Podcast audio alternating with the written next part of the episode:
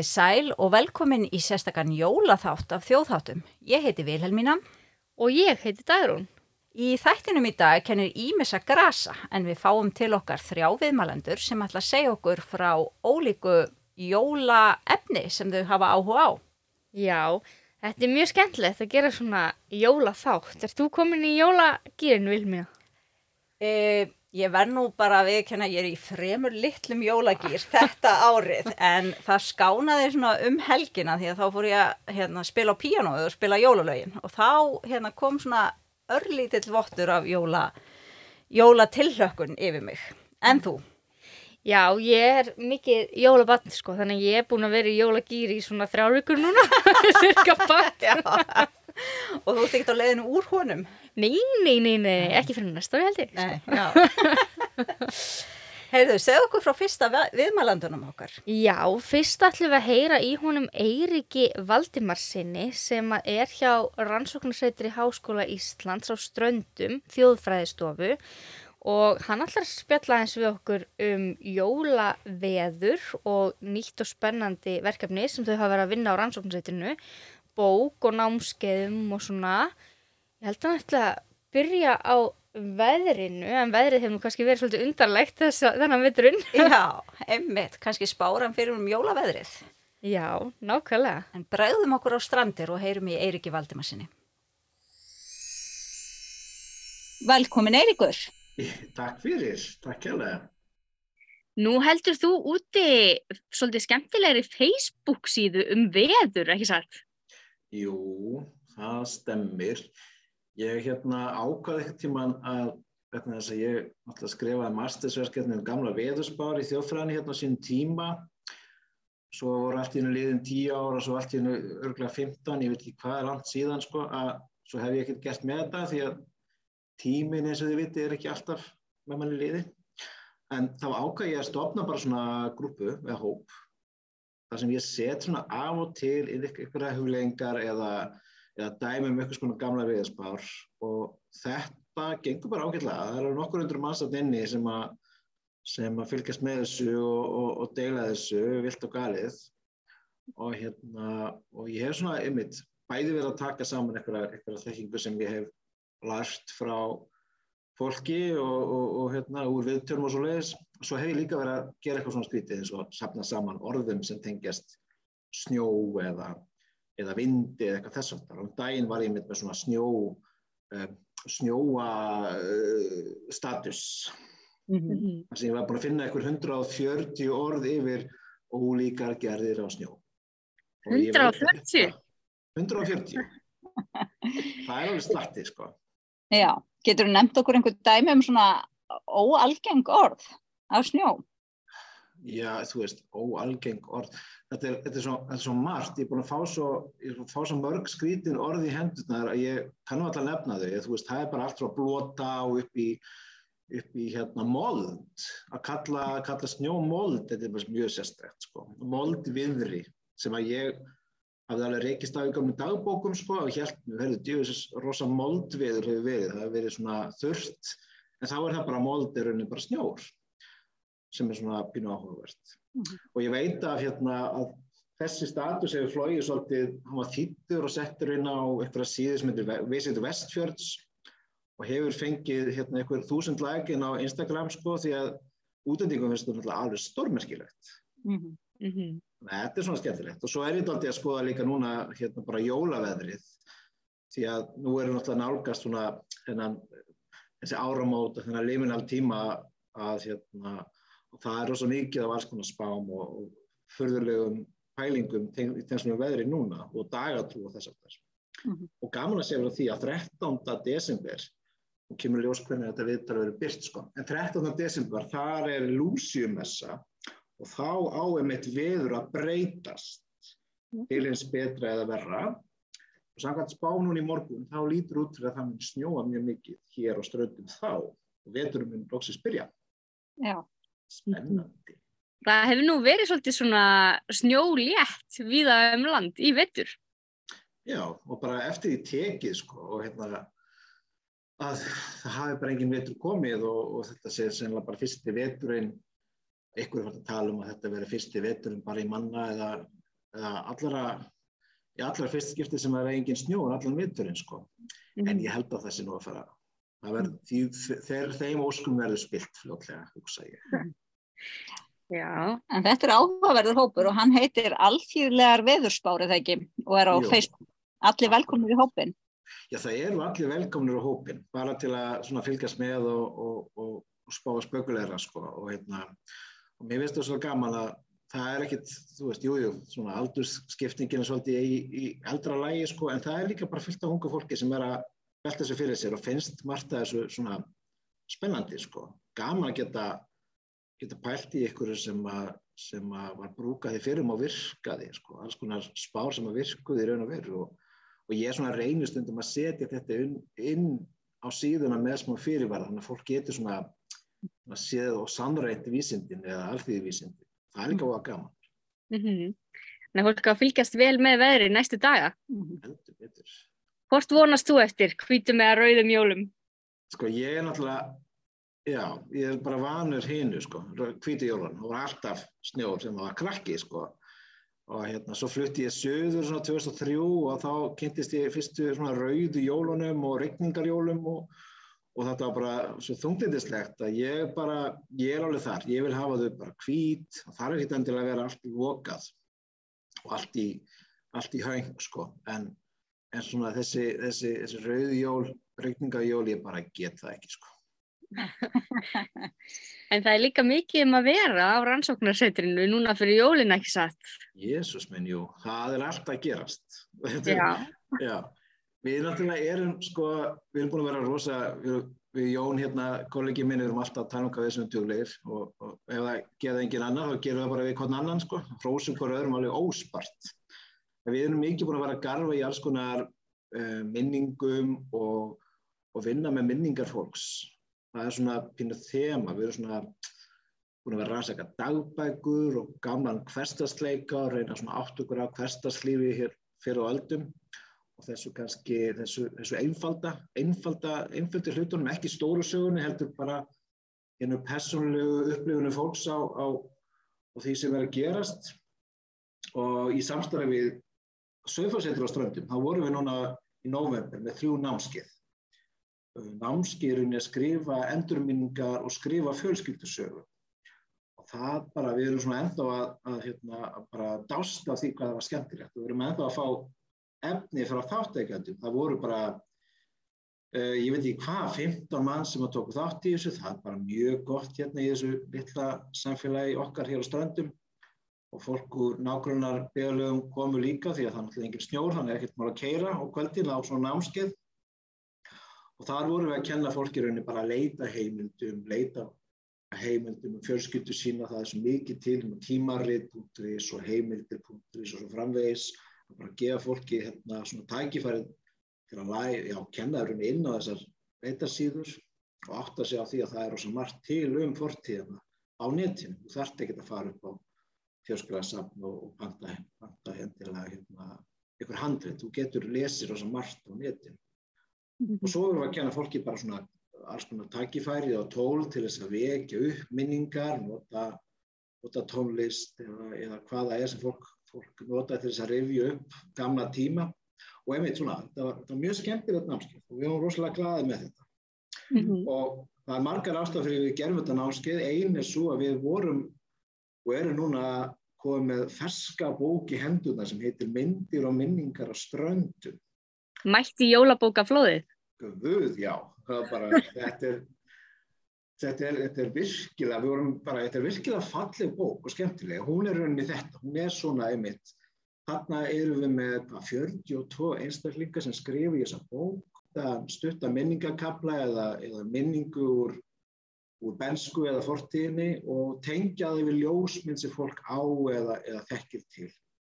Það er misað hvort koma undan ljósmyndin eða minningin, stundu kom minningin fyrst og þá fór fólk á, á stjá og, og leitaði að hverju góður mynd til að tengja saman. En allt hér, þessi bókurinn byggir á, á, á, á slíku að tengja saman ljósmyndir og minningar. Og þarna eru bæði sko, þessi skrifið þessar bókur eru bæði bara bændur og sjóminn og búaliður hér á ströndum og, og, og sömulegis bara fólk sem hefur fengið bara bókmæntavelun og, og þekktir reyndtöfundar sem tengjast svæðinu. Þetta er mjög djúsi og skemmtileg bók, vægast sagt. En, en hvernig völdu þeim mitt hérna, þáttakendur í bókinni, þessar frásagnir og, og hvernig fenguðu fólk til að taka þátt?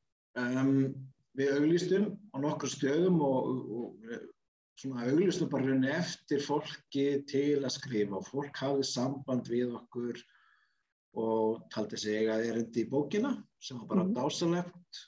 Uh, svo vorum við líka svolítið, fórum líka á stúfana og, og hérna og hérna og heyrðum í fólki fólk sem við vissum að hefði kannski frá okkur skemmtilega að segja og svo framvegis. Mhm. Uh, þannig að þetta var svona, svona sambland af því að, að, að svona leita til fólks og, og fólk tó- kom til okkar og hérna sem er bara fín blanda og meira segja sko eins og við vitum það er ekki allir sem eru kannski treysta sig að skrifa en hafa frá mörg að segja þannig að ég tók nokkur viðtöl tók einhver viðtöl sem að urði síðan að grein líka sem ég veist líka bara fínt því að ég það opnaði þá bara á þá þekkingu að hún ætti leið inn í bókina og átti svo sannlega erind inn í hana þannig að við svona, já, við beittum nokkur maður til þess að ná til fólks og við erum bara mjög ánað að ná eins og segja, 42 uh, ólíkum köflum og einstaklingum að inn. Og frá hverju er fólk að segja? Það er sem bara svo margt, það er þessi, það er þessi hérna, það er þessar lítli sögur sem að móta einhvern veginn manneskjuna. Veist, það er fyrsta Reykjavíkurferðin, frásett af því hvernig var að ferðast kringu 1960 frá Ströndum og til Reykjavíkur. Þetta var ekkert, sko, við skjótust núna á tveimur og hálfum Reykjavíkur, skiljiði. Þarna er þetta bara heilt dagur eða það er gistuleiðin og svo framvegis. Það er þessi veruleiki sem kemur hérna fram meðal annars. Um, það eru frásatnir af eftirmunlegum kindum. Þú veitir, það er þessi tengsl við, við, við skeppnur og, og dýr og líka bara þessa, þessa atvinnuhætti að vera í sveit. Að sjálfur er ég alveg í sveit, sko. Ég man eftir, eftir nafnkunnum kindum í minni bensku. Það er svo, svona hugulega frásatnir af því að tengslu manns og dýra líka. Uh, þetta eru bara örf á dæmi, svo er bara svo margt annað, gamlir hornir, horn verkmenning. Uh, til dæmis að veiða veiða lundaanga eða kofur og hvernig, var, hvernig það var framkvæmt. Og svo leikir barna hérna í Þorpun og Holmæk, það er eitt kapil um það. Og sem fyrst bara að vera frábær heimildum bara um hérna, já hvernig var að vera barn í þessu litla þorpi sem hefur núna þróast og breyst og, og leikirnir allt aðri, aðri sko. Þannig að ég myndi segja að þessi bók eigi erindi í svo margar átti sko. Þannig að það er gaman þessu. Og við ætlum að halda svo svona uh, bókaútgáfu eða hóf núna lögða næsta eða já eins og segi hvena sem þetta verður byrt þá alltaf tókst það alveg með eindæmum. það er gefið mál. Já, það er gefið. Mjög gott. Kannski bara svona að lókum, ertu komin í jólagýrin, Eiríkur? Alls ekki, sko. Gessamlega laus. Ég er bara, ég næ ekki utan um þetta. En þú veist, ég mun komast þangað, sko. Ég er, ég er mikið að pæla í þessu hvernig maður kemst í jólagýrin. Ég, ég man einhvern veginn, þegar ég var krakki þá einhvern veginn voru svona jóla sem komu hérna og voru að læðast í kringum hérna klukkana heima á manni, maður var skítrættur við þá, en það er samt sko koman í einhvern svona gýr, sko.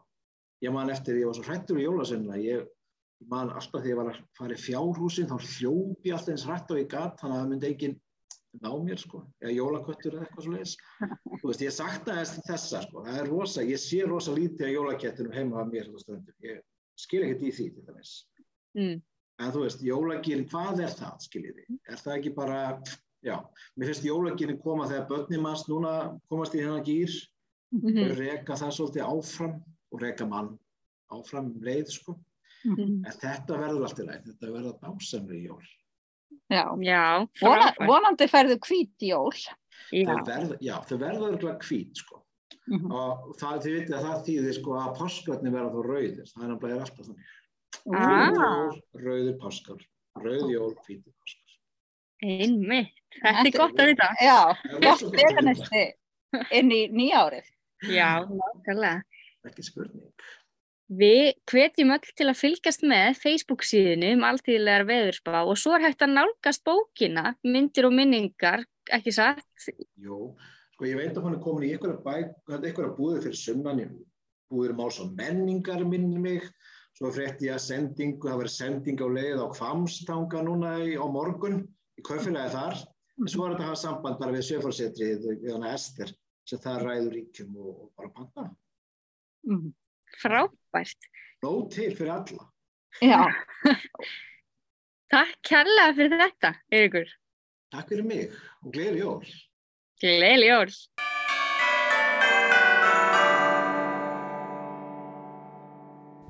Heyrðu, þetta var nú aldeilis hérna, skemmtilega fréttir af ströndum og það verður spennand að sjá hvort þessi veðrabrigði verði sem Eirikur talaði um. Já, mér líst vel á kvítujólinn, sko, ég vona að verði þannig. Sjáum til, það kemur allt í ljós. En jólasveinar eru ómissandi hluti af jólahaldi. Er það ekki dagrum? Þú þekki þá svolítið vel.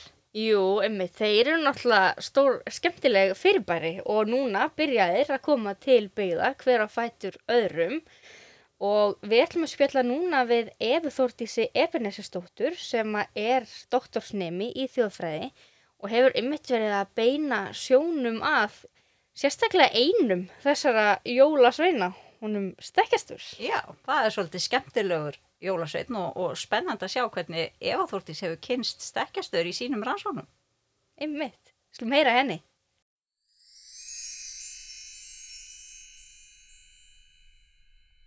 Velkomin Eva Þórtís. Takk fyrir. Hvað segir þú? Hver, hver er uppáhalds jólasveitnin þinn? Já, þetta er góð spurning. Um, sko, í dag er það klárlega stekkjastur. Um, þessari, þessu, þessari spurningu þarf alltaf að fylgja. Þegar ég var svona fjögur ára, þá sagði ég líka stekkjastur. En innst í hjartarótunum þá var það samt stúfur. En ég sagði stekkjastur og þetta er svo skrít þegar maður á svona minningar sem eru svona minningum tilfinningu frekar heldur en maður muni eitthvað svona einhver aðstæður að mér fannst eins og ég ætti að segja stekkjastur þegar ég var lítil. En ég vissi ekkit af hverju. Mér fannst bara eins og stekkjastur ætti að vera upp á sjálfsveitni minn en mér fannst ég samt líka svolítið verið að svíkja stúf með því að segja stekkjastur þannig að þetta var pínust tilvistakreppa fyrir fimm ára mig. En svo hef ég svona á síðustu árum sérstaklega komist að því af hverju mér fannst stekkjastur eiga að vera upp á sjálfsveitni minn. Og fyrir viki þá er lengur ekkert hik og þó mér þykja óskupu vænt um stúf þá er hann klárlega í öðru sæti. Vegna þess að málið er að við stekkjastur eigum svo mikið sameigilegt um, og það er svona svolítið skemmtilt að stekkjastur hefur náttúrulega sko, þó við eigum alls konar útgáfur af honum og við þekkjum hann í alls konar líkömmum stundum sjáum við hann bara með staf og kannski svolítið styrður í njánum stundum sjáum við hann með einhvers konar trefætur og alls konar, alls konar útgáfur. Að þá hefur samt svo staðrind að stekkjastur með, er með öðruvísi fætur alltaf verið fyrir fram að nefið á okkur. Alveg bara frá því að við fórum fyrst eitthvað að pæla í, í jólasaununum og stekkjastur þar á meðal sem er náttúrulega eins og við vitum flókinsaga sem að þarf meiri tíma til að ræða. Mm -hmm. en uh, málið er þess að ég sjálf geng með gerufót og er með, geng með vinstri fótin alveg stífan. Þannig að við eigum þetta sammeilegt að rölda um í íslenskum vetri, hálku, snjó eða ekki um, með að minnstakosti annan ef ekki báðafætur öðruvísi. Og en þetta er einhvern veginn eitthvað sem við höfum kannski ekki alveg vilja horfa allaveg á hvað það þýðir að stekkjastur sé með öðruvísi fætur. En í dag, í okkar samhengi í dag, þá þýðir það í allavega mínum huga og ég held að stekkjastur sé alveg orðin þokkarlega sammála mér, við erum búin að ræða þetta svolítið í gegnum síðust árin að hérna það þýðir bara óskup einfallega að stekkjastur ennáttúrulega og hefur alltaf verið fatlaður jólasveitinu Þannig að við þekkjum þetta að þurfa að dröslast í gegnum snjó og skabla og, og illa mókaða gangstíga hérna ímsu sveitafélaga uh, með að minnstu kosti annan fótinn stífan og, og þurfa að hafa svolítið fyrir því að passa okkar þetta ekki á hausinn og svona.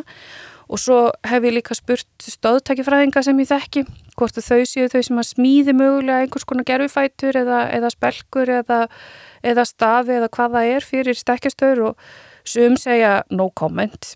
Bara svona svöru við ekki, við, við erum bundin trúnaði við okkar skjólstæðinga og svo dettur næsti stóðtækjafræðingurinn í samtali og segja já ég gerði það. Þannig að það er svona svolítið fram og tilbaka en, en það er klárt málast ekkistur greinilega komin í þjónustu stóðtækjafræðinga á Íslandi og svo skrifuðu við stekkjastur saman bókarkabla sem að kemur vonandi út á næsta ári. Og í þeirri vinnu þá fór ég að segja stekkjastur að ég hef verið að fara í heimsókn og kenna uh, sjúkraþjálfara nefnum svona smá föllunafræði og, og hérna, við horfum saman á teknumyndina um Nemo. Þannig að þetta er svona föllunafræði pluss frásagnir sem er hérna, föllunafræði með þjóðfræðilegu ívafi. Og allt í einu dettur upp úr kallinum í neðamálskrein. Hann var mjög duglur að trúða neðamálskreinum inn í þessa grein sko.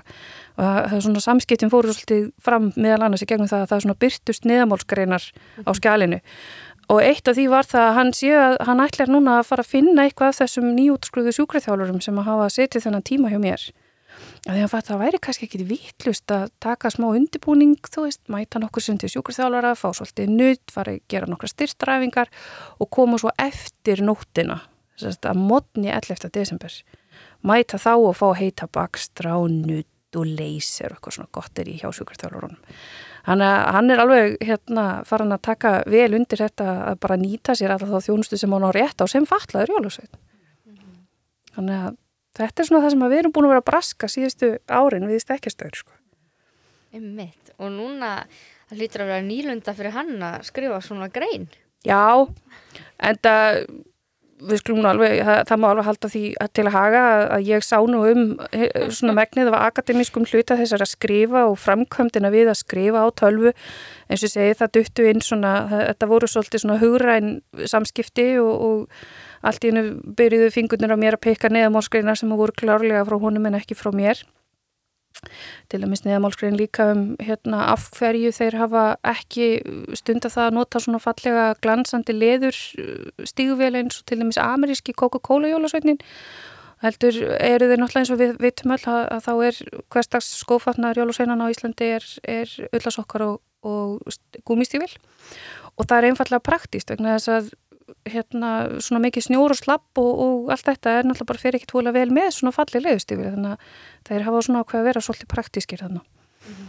Þannig að þetta var svona eina af neðamálsgreinunum sem dúkað upp. Líka einhver staðar í greininni þá hérna e, þá var hann mjög harður á því að, að besta dæmið um e, byrtingamind föllunar í íslenskum jólahefðum væri náttúrulega ekki stöður og þarna reynda snýrst þetta við þetta þurfti að greinlega vera í, í aðalteksta hann var alveg ákveðin í því þannig að ég setti þarna neðamálskunum og sagði að mati höfunda. Mm -hmm. þannig að þetta var svona fram og tilbaka en, en, hérna, en jú að, hérna, mjög gaman að hafa hann með í, í brainstorminu og, og hérna, því öllu saman. En, en ég er klálega fyrstu höfundur þar sem að hinn megnið af rítunarvinnunni og öllu því fjall á mínar axlir. En nú ert þú að skrifa um þetta út frá svona akademísku sjónarhóttni og þú ert líka að skrifa með þetta fyrir, þú ert að skrifa þetta á ennsku, ekki Já. satt? Þannig að þú ert líka að kynna svolítið þennan heim fyrir erlendi fræðafólki. Jú. Hvernig er það? Það var pínust núið, það var svolítið sérstakt vegna þess að eins og við þekkjum þetta öll svo rosalega vel að þá er svolítið merkilt hvað það hefur lítið verið skrifað fræðilega um jólusveinuna. Þannig að ég hafði ekkit úr miklu fræðilegu baklæðandi að móða hvað varðar jólaseinana sjálfa. Ég gæti náttúrulega sótt kenningar bæði úr þjóðfræðu, föllunafræðu og svona til þess að byggja upp svona um, samfélagsbygglun og eitthvað þess áttar. En efnið um jólasveinana sjálfa, það var fyrst og fremst ég og stekkistöra að rifja upp það sem við vitum sjálf Líka vegna þess að þetta var svona með fyrir eitthvað stuttum fyrirvara þannig ég hafði ekki mikinn tíma til að fara í formlega rannsóknarvinu sem getur tekið tíma að fara út og sapna. Þannig að þetta var mjög byggt á bara svona okkar samili og reynslu og svo þurftum við að vingsa úr vegna þess að við höfum ekkert plást til að skrifa um allt. Þannig að hérna, þannig að það, það var hérna, það var svolítið trikki að gera það. En þetta kom líka upp úr því að ég var mitt með svona erindi fyrir ellenda fræðumenn að þá var ég að fjalla um jólasveina hefðin okkar svona almennt og einmitt hérna, ekkert kannski nýtt fyrir okkur hér heima en fyrir erlenda fræðamenn þá fannst þeim þetta algjörlega frábært og í því erindi þá mitt endaði á svona pínu stekkjastörs tvisti föllunarfræðilegu stekkjastörs tvisti og það, þess vegna kom til að við skrifum þessa grein En er þetta ekki kannski smá nýtt fyrir okkur heima? Þetta tvist sem að þú ert að draga fram þó að við náttúrulega þekkjum stekkjastur erum við uh, höfum við séð, þú veist Nei, nákvæmlega. Það, það er einmitt málið eins og ég sagði á þann sko, hann er búin að vera þarna fyrir framann okkur í sínum líkama sem er öðruvísi. En það er kannski ekki fyrir bara mjög nýlega sem að það fer að koma einhvern veginn að fólk er tilbúið að sjá hann sem hluta af hópi kannski ekki fallast fólks en, en fallar að vætta mögulega og það sé yfir höfuð hægt. Og þetta, ég sá þetta þegar ég fór að þess að grubla í þessu þá voru þetta ekki síst sko þegar Íslandingar voru að skrifa til dæmis blogg eða, eða einhverjum svona fréttapisla á ennsku sem sagt fyrir gesti og fóru að lýsa stekkastur þar að þá allt í hennu var eins og líkaminn hans var komin í kastljósið Þannig að jáfnveg þó við vitum þetta og höfum alltaf verið með þetta fyrir framann okkur að þá höfum við einhvern veginn ekki séð þetta og meiri sé að fyrirnemdi stóttækjafræðingar sem að þegar ég fór eitthvað að spurja það út í þetta og tala um þetta þá kom svona já, akkur hef ég aldrei fatta þetta. Þetta er stekkistur hérna, með einhverja skerðingu og, og mæti föllin í samfélaginu og stundum þarf hann hjálpatæki og stundum ekki. Einhverjum tilfellum þarf hann kannski bara innleg og annars þarf hann kannski einhverjar miklar og flóknar spelkur. Ég spurði hann líka stekkastur sko hvaða útgáfa af líkamannum hans væri rétta útgáfan af því að þær eru svo margar. Það eru nefnilega alveg limskulega margar. Og hann sagði já og ég er svona býtun við hvað meinar, hvað meinar hann með bara já? Og það sem að kannski fælst í því er að, að hérna allar útgáfunar af líkamannum, líkamannum hans stekkjastöðs eru réttar. Vegna þess að það er náttúrulega spretta frá okkur sjálfum og hann speiklar okkur. Þannig hann í rauninu, hann segir ekki að eitt líkami sé réttari heldur en annar. Þannig að hann, hans líkami tekur breytingum fyrir okkur. mm -hmm. Og speiklar okkur. Og það er líka kannski ástæðan fyrir að við höfum ekki séðan eða verið tilbúin að sjá hann í þessu ljósi. Fyrir núna þegar að marbreytileikin virkilega er orðin sínilegur og við sjáum meira fölluðu fólki, meira fölluðum börnum í grunnskólunum og við erum farin að samþykja alls konar líkama sem hluta bara af samfélagin okkar og þá sjáum við stekkastur allt inn í þessu nýja ljósi. Já, ymmi, sem er kannski líka svolítið mikilvægt Já. að það sé þessi einhvern veginn svona speiklun til staðar mm. eða svona þessi mynd? Já, það er líka það sem maður sér, maður skoðar jólusveina, hvaðan jólusveina hefðin okkar kemur, hvaðan þessi 13 bræður koma og, og hvernig þeir, sko, að því þeir, þetta er svo ofsalega lifandi hefð, uh, kannski svona með meira lifandi hefðum sem eru ennþá svo óskráðar sem er kannski ákveðin ástæða fyrir því að við erum ekki ennþá farin að rannsaka ná mikið að við erum ekki að hrópla mikið við henni að hún er ennþá þróast svo rosalega mikið. Og ég minna við sjáum þetta bara á síðust árum þegar það hafa komið tilunni til þess að draga fram vegan jólasveina og gamla jólasveina og jafnvel jólastelpur hérna, líka að um, hún er svo opbúslega lifandi þessi hefð og hún er svo frábært dæmi um það hvað þjófræðiðefni gerir best og það er að speikla samfélagið á hverjum tíma fyrir sig. Þannig að ef að samfélagið er ekki tilbúið að sjá stekkistöðu sem fallaðan jólasvein, þá sér það ekki stekkistöðu sem fallaðan jólasvein En ef að samfélagið er tilbúið í það, að þá er allir, nei, heyrðu, já, alveg rétt.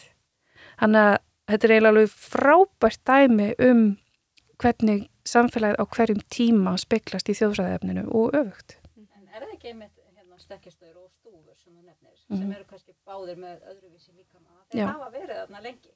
Við bara horta á það og tekið þeim og fylgst með þeim? Já. Og og við höfum ekki verið tilbúin kannski að setja þá í samhengi við fallafólk heldur vegna þess að fallafólk hefur svo lengi verið með uh, viðþorf til fallafólks fólks hafa verið svo neikvæð. Þannig að það að virkur spriklandi, hoppandi jólasveit sem að fer um all landið og jafnvel útfyrir það á einni nóttu er ekki séns að hann geti verið fallaður vegna þess að falla fólk er að koma staðalmynda bunan þannig að þetta er allt sem hann, ég er að segja þetta í kaltæni, falla fólk er bundið, það getur ekki, það er minni máttar, það er jafnvel staðalmyndur um að fólk sé auðmingjar og fleira í þeim dúr. Þannig að falla fólk sé ekki virkir þáttakendur í samfélaginu en, en þeir bræður svo sannlega mjög virkir, mjög, það eru heila of virkir uh, ekki ofvirkir heldur ofvirkir. En hérna þannig að sko það held ég að sé líka ástæðan fyrir að við höfum ekki sem samfélag þá hafa þeir ekki verið settir í þetta samhengja þeir passa ekki inn í staðalmyndina um falla fólk. En sem betur fyrir er svo staðalmynd hægt rólega að breytast þannig að við erum fáum núna meira að vera hluti af samfélaginu og, og bara hluti af margbreytileikanum og þá koma þeir með. Ekki það ég bendi samt alltaf á það með stúf sko, hann heitir stúfur vegna þess að að besta sem hann væri að borða eru stúfinnar innan úr pönnunni. Þannig að þess að brendar matalegur inn í pönnu voru kallaða stúfir. Hvenar hann verður síðan lávaksinn er hins vegar önnur spurning. Það er önnur grein. Ég þarf að tala við stúf hvort að við kannski þurfum að skrifa grein líka.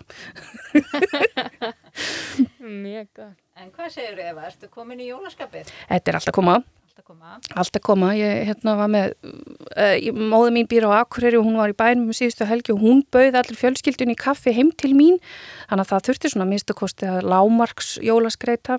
Svo er ég venjusamkvæmt búin að baka randalínuna mína vegna þess að hún þarf sinn tíma til þess að jafna sig og taka sig og hérna, verða mjúk og fín til þess að sé hægt að borða hana gegnum aðvenduna þannig að hún er þessa dagana að verða fullkomin til að skera hana. Þannig að nú fer ég að flakka um bæin með tvær, þrjár randalínu sniðar í bóksi alltaf í bílnum.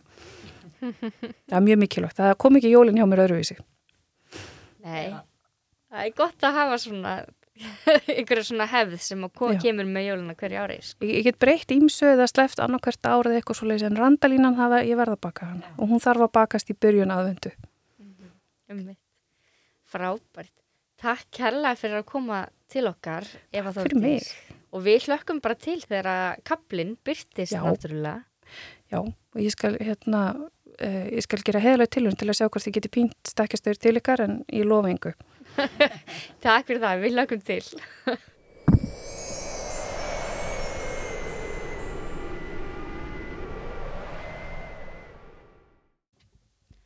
Já, þetta var mjög áhugavert og svona öðruvísi vingill á þennan jólsvein sem við þekkjum öll samt svo vel. Já, heldur betur. Stekkjastur bara leynir á sér og hefur ýmsar hliðar sem við kannski tókum ekki eftir þó hann bara sé okkur mjög sínilegur og kunnugur. Algjörlega og mikilvægt að draga þetta svona fram. Já, heldur betur. En næsti viðmálendu okkar er ekki þjóðfræðingur. og það er- verður nú að segjast að er held ég bara algjört nýnæmi í þáttunum okkar. Við, allir viðmálendur hafa verið þjóðfræðingar eða, eða eitthvað svoleiðis. En, en næsti viðmálendu okkar er Margrét Höskuldsdóttir, rithöfundur. En bókin hennar, Dalurinn, sem hún gaf út fyrir á þessu ári, fjallar um þjóðfræðinemann Sif, sem er að skrifa lokaritgerð í þjóðfræði. Það er mjög spennandi. Við skulum heyra í Margréti.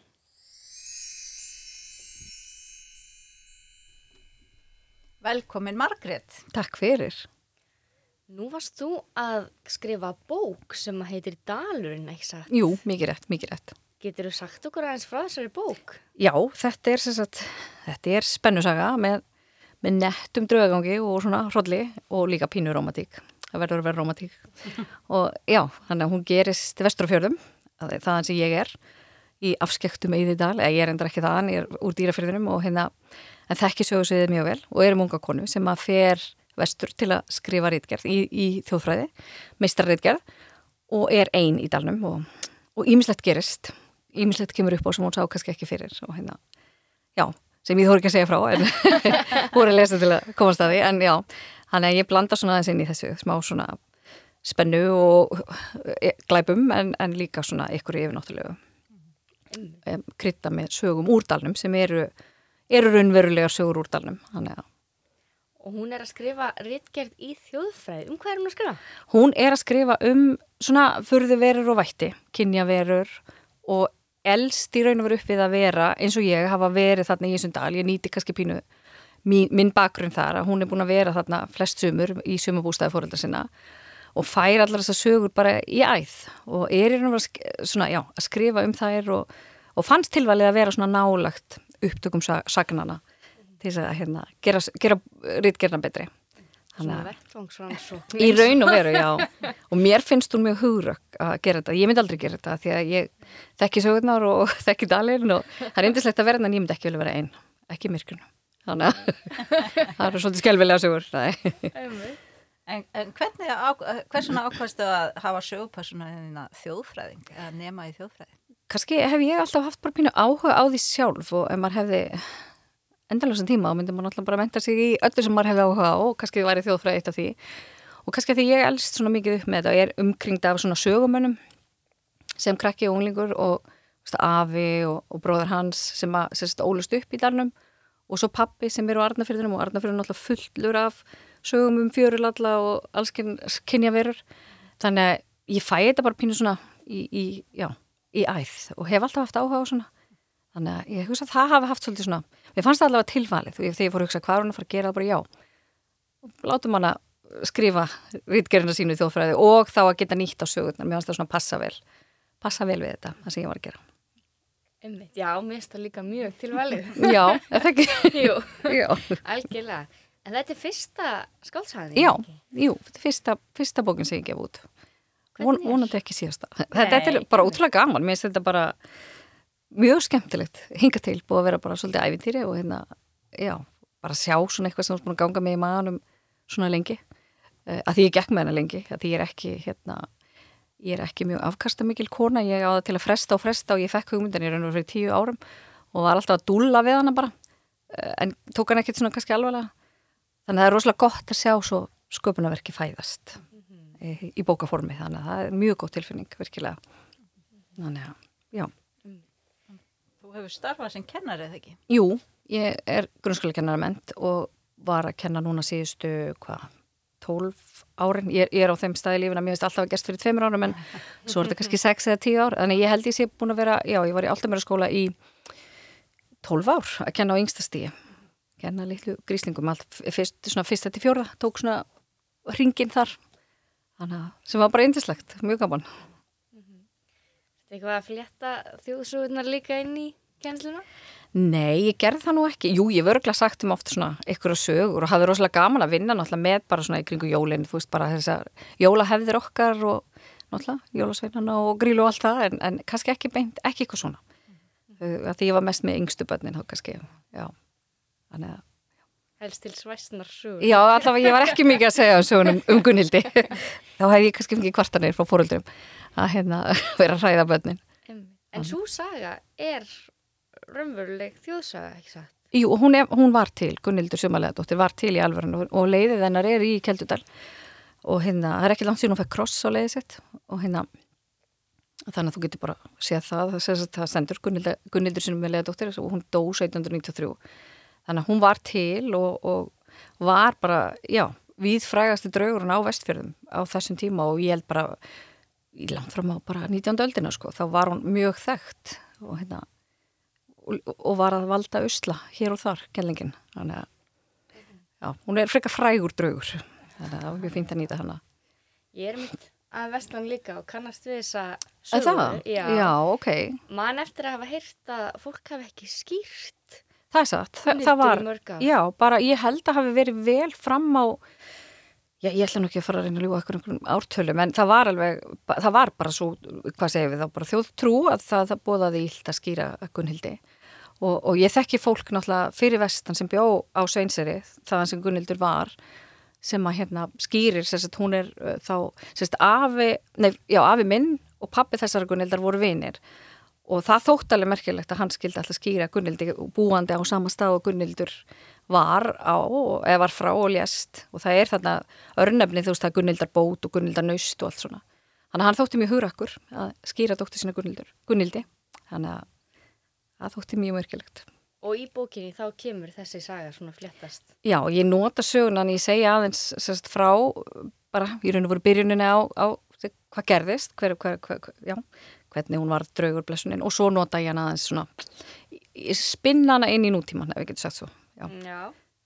hún, er, hún hefur haft mjög mikil áhrif á mig bara sem krakki ég hérna, var skítrætt við hana og ekki bara alveg bara þá til fyrir stuttur sko hún var, var, var bara eitthvað, hún var kallið Gunnildi draugamóður þegar ég var yngri að því hún var ófrísk þegar hún sér satt dó og það var ekki vita hvort hún hefði fram við sjálfsmórði eða, eða bara orðið slis þannig að hún fekk ekki að kvíla inn í öll inn í kirkjugarðinum en hún er öll inn í hún núna því að það var stækkað sko þannig að Þannig að já, hún hafði mjög mikil áhrif á mig. Þannig að mér varst mjög gaman að fletta hann inn í og, og nýta hana og ég tel alveg, ég veit ekki, ég, ekki, ég var ekki hrættið en það kannski hljóma ræstnalega en ég, ég er hætti að vera hrættið við hana eftir ég skrifaði bókina og ég held að hafa verið að því að hún sé bara sátt að fá svona, fá að vera fræg. Þannig að, að hérna, já, kannski, og hennar hlutur í, þið verður bara kannski að lesa á söguna til að vita hvað hún gerir í sögunni en, en hérna, já, kannski hún bara ekkit ósátt við hlutverk sitt í sögunni svona Spennandi. 15 mínútur að fræð Þetta er mjög spennandi. Og áhugavert líka hvernig maður svona fléttar gamlar sögur inn í Já, nýjar, veist, hvernig Já. er það ferli? eða- já, mér fannst það mjög svona skemmtilegt og það var kannski ekki, þegar ég byrjaði að skrifa bókina, þá var það ekki endilega uppalega pælingin. En svo kemur það setna og mér fannst það bara einhvern veginn svona tilvalið að nýta það inn í, ég sjálf hef lesið mikið af svona bókum með svona, ég hef mikið fyrir svona draugagang og, og svo leis. Þannig að hérna, mér fannst það rosa gaman að geta flettað inn í og, og, og minnst það gaman því ég heyri gaggrinum bókina að þetta sé tekið fram að fólki finnist hún óhugnaleg og, og jafnvel, þú veist, innan æsvei og, hugnaleg og sérstaklega um hábjartum daginn. Ég mér þótti að væntum það, þá gaggrinni að fólk er bara hrætt að lesa hana og að því að það væri svona óhugnaður í sólbjörtum á sólbjörtum deginum, ekki bara í myrkrinu, þannig að, því þannig upplýði ég sem 12 ára krakki, ég, ef við vorum eina skottast um daginn, þá var maður pínu svona að líti kringu sig, að spáði hvort hún væri hana, en hérna, ég hef aldrei orðið verið venna samt, sko, þannig að það er ekki tilefni, en þannig að það var mjög gaman að nota þessa sögu sem að, eins og segi, við krakkanir í- bara ölum stuppið, krakkanir í fjölskyldinu minni, þekkjum hann að móla vel og hérna, já, þannig að hérna, það var bara skemmtilegt að vinna það, nýta svona eitthvað sem þú farið með ekki alveg móðu mjölkinni en þú veist sem krakki að alast upp þá fekk maður þetta bara beint í æð. Þannig að það var fínt. En þú ætlar að halda áfram að skrifa, eða ekki? Jú, ég ætla að gera það Mér finnst þetta skemmtilegt, þetta er gaman að þessu og hérna gaman að sýta bara einn með sjálfið sér og segja sér sögu. Og svo ef ykkur vil lesa þá er það bara bónus, það er æði. Þannig jú, ég, ég, er, ég, ég ætla að gera fleiri bækur og er byrjuð á byrjuð á annari þannig að, hérna, hugsanlega verður ykkur óhugur í henni líka. Já, ert það svipið um slóðum? Já, ég ætla að halda mig fyrir vestan. Og hérna og já, kannski ekki endilega með þjóðsögur en ég hugsa að komi nú ykkur svona komi ykkur svona ávæningur af ykkur svona yfir náttúrulega já, koma í ljós Spennandi. spennandi.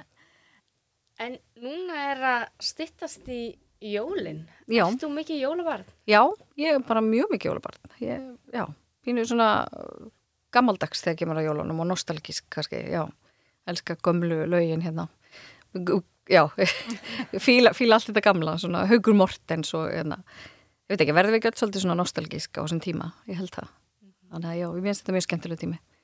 Þannig að Erstu með einhverja svona jólahefðir? Ég held að það sé óskup hefðbundar einmitt, ég held að það sé bara, þú veist, maður, ég, reyndar er mjög ströng á því að klukkan sex þegar, þú veist, klukkan ring, kirkjuklukkan ringin jólun, það er svolítið heilög stund fyrir mér. Og þegar ég var sjálf að byrja að búa með tvo litla krakka, það var sem er hræðilegt ef ég var í sturtu þegar, hérna, ég var ekki komið lengra, að því ég hafði verið auðvitað að skúra og gera alltaf, hérna, á síðustu stundu, að vera í sturtu þegar klukkarnar ringdu, það var bara, oh, eins og maður missa af jólunum. Þannig að mér finnst það svolítið svona falleg stund og svolítið svona heilug stund og svona sem ég vil eiga bara með mér þannig séð. Þannig að ég, já, ég, við veist alveg jólinn byrja klukkan 6 á aðfangadag þannig þeirra klukkunar og þeirra þulurinn í útarpinu segir, hérna gleðileg jól, það er bara, já það er kannski helst það, að hlusta það.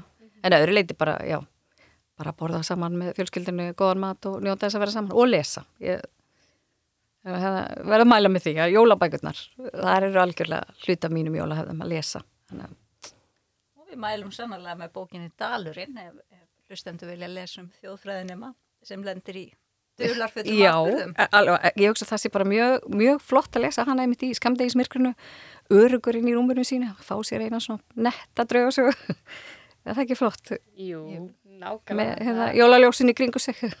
Já, og jólin alltaf svona pínu yfir náttúrulegur tími. Já, sko, þannig að þau eru það, þau eru svona, já, þau eru svolítið svona, er það ekki, ykkur, ykkur ljómi yfir þeim svona, dulafullur, Já, en það er ekki slæmt. Blanda smá draugagangin í það. nákvæmlega. Frábært. Takk kærlega fyrir að koma og segja okkur frá. Já, takk fyrir að bjóða mér, bara takk hella fyrir.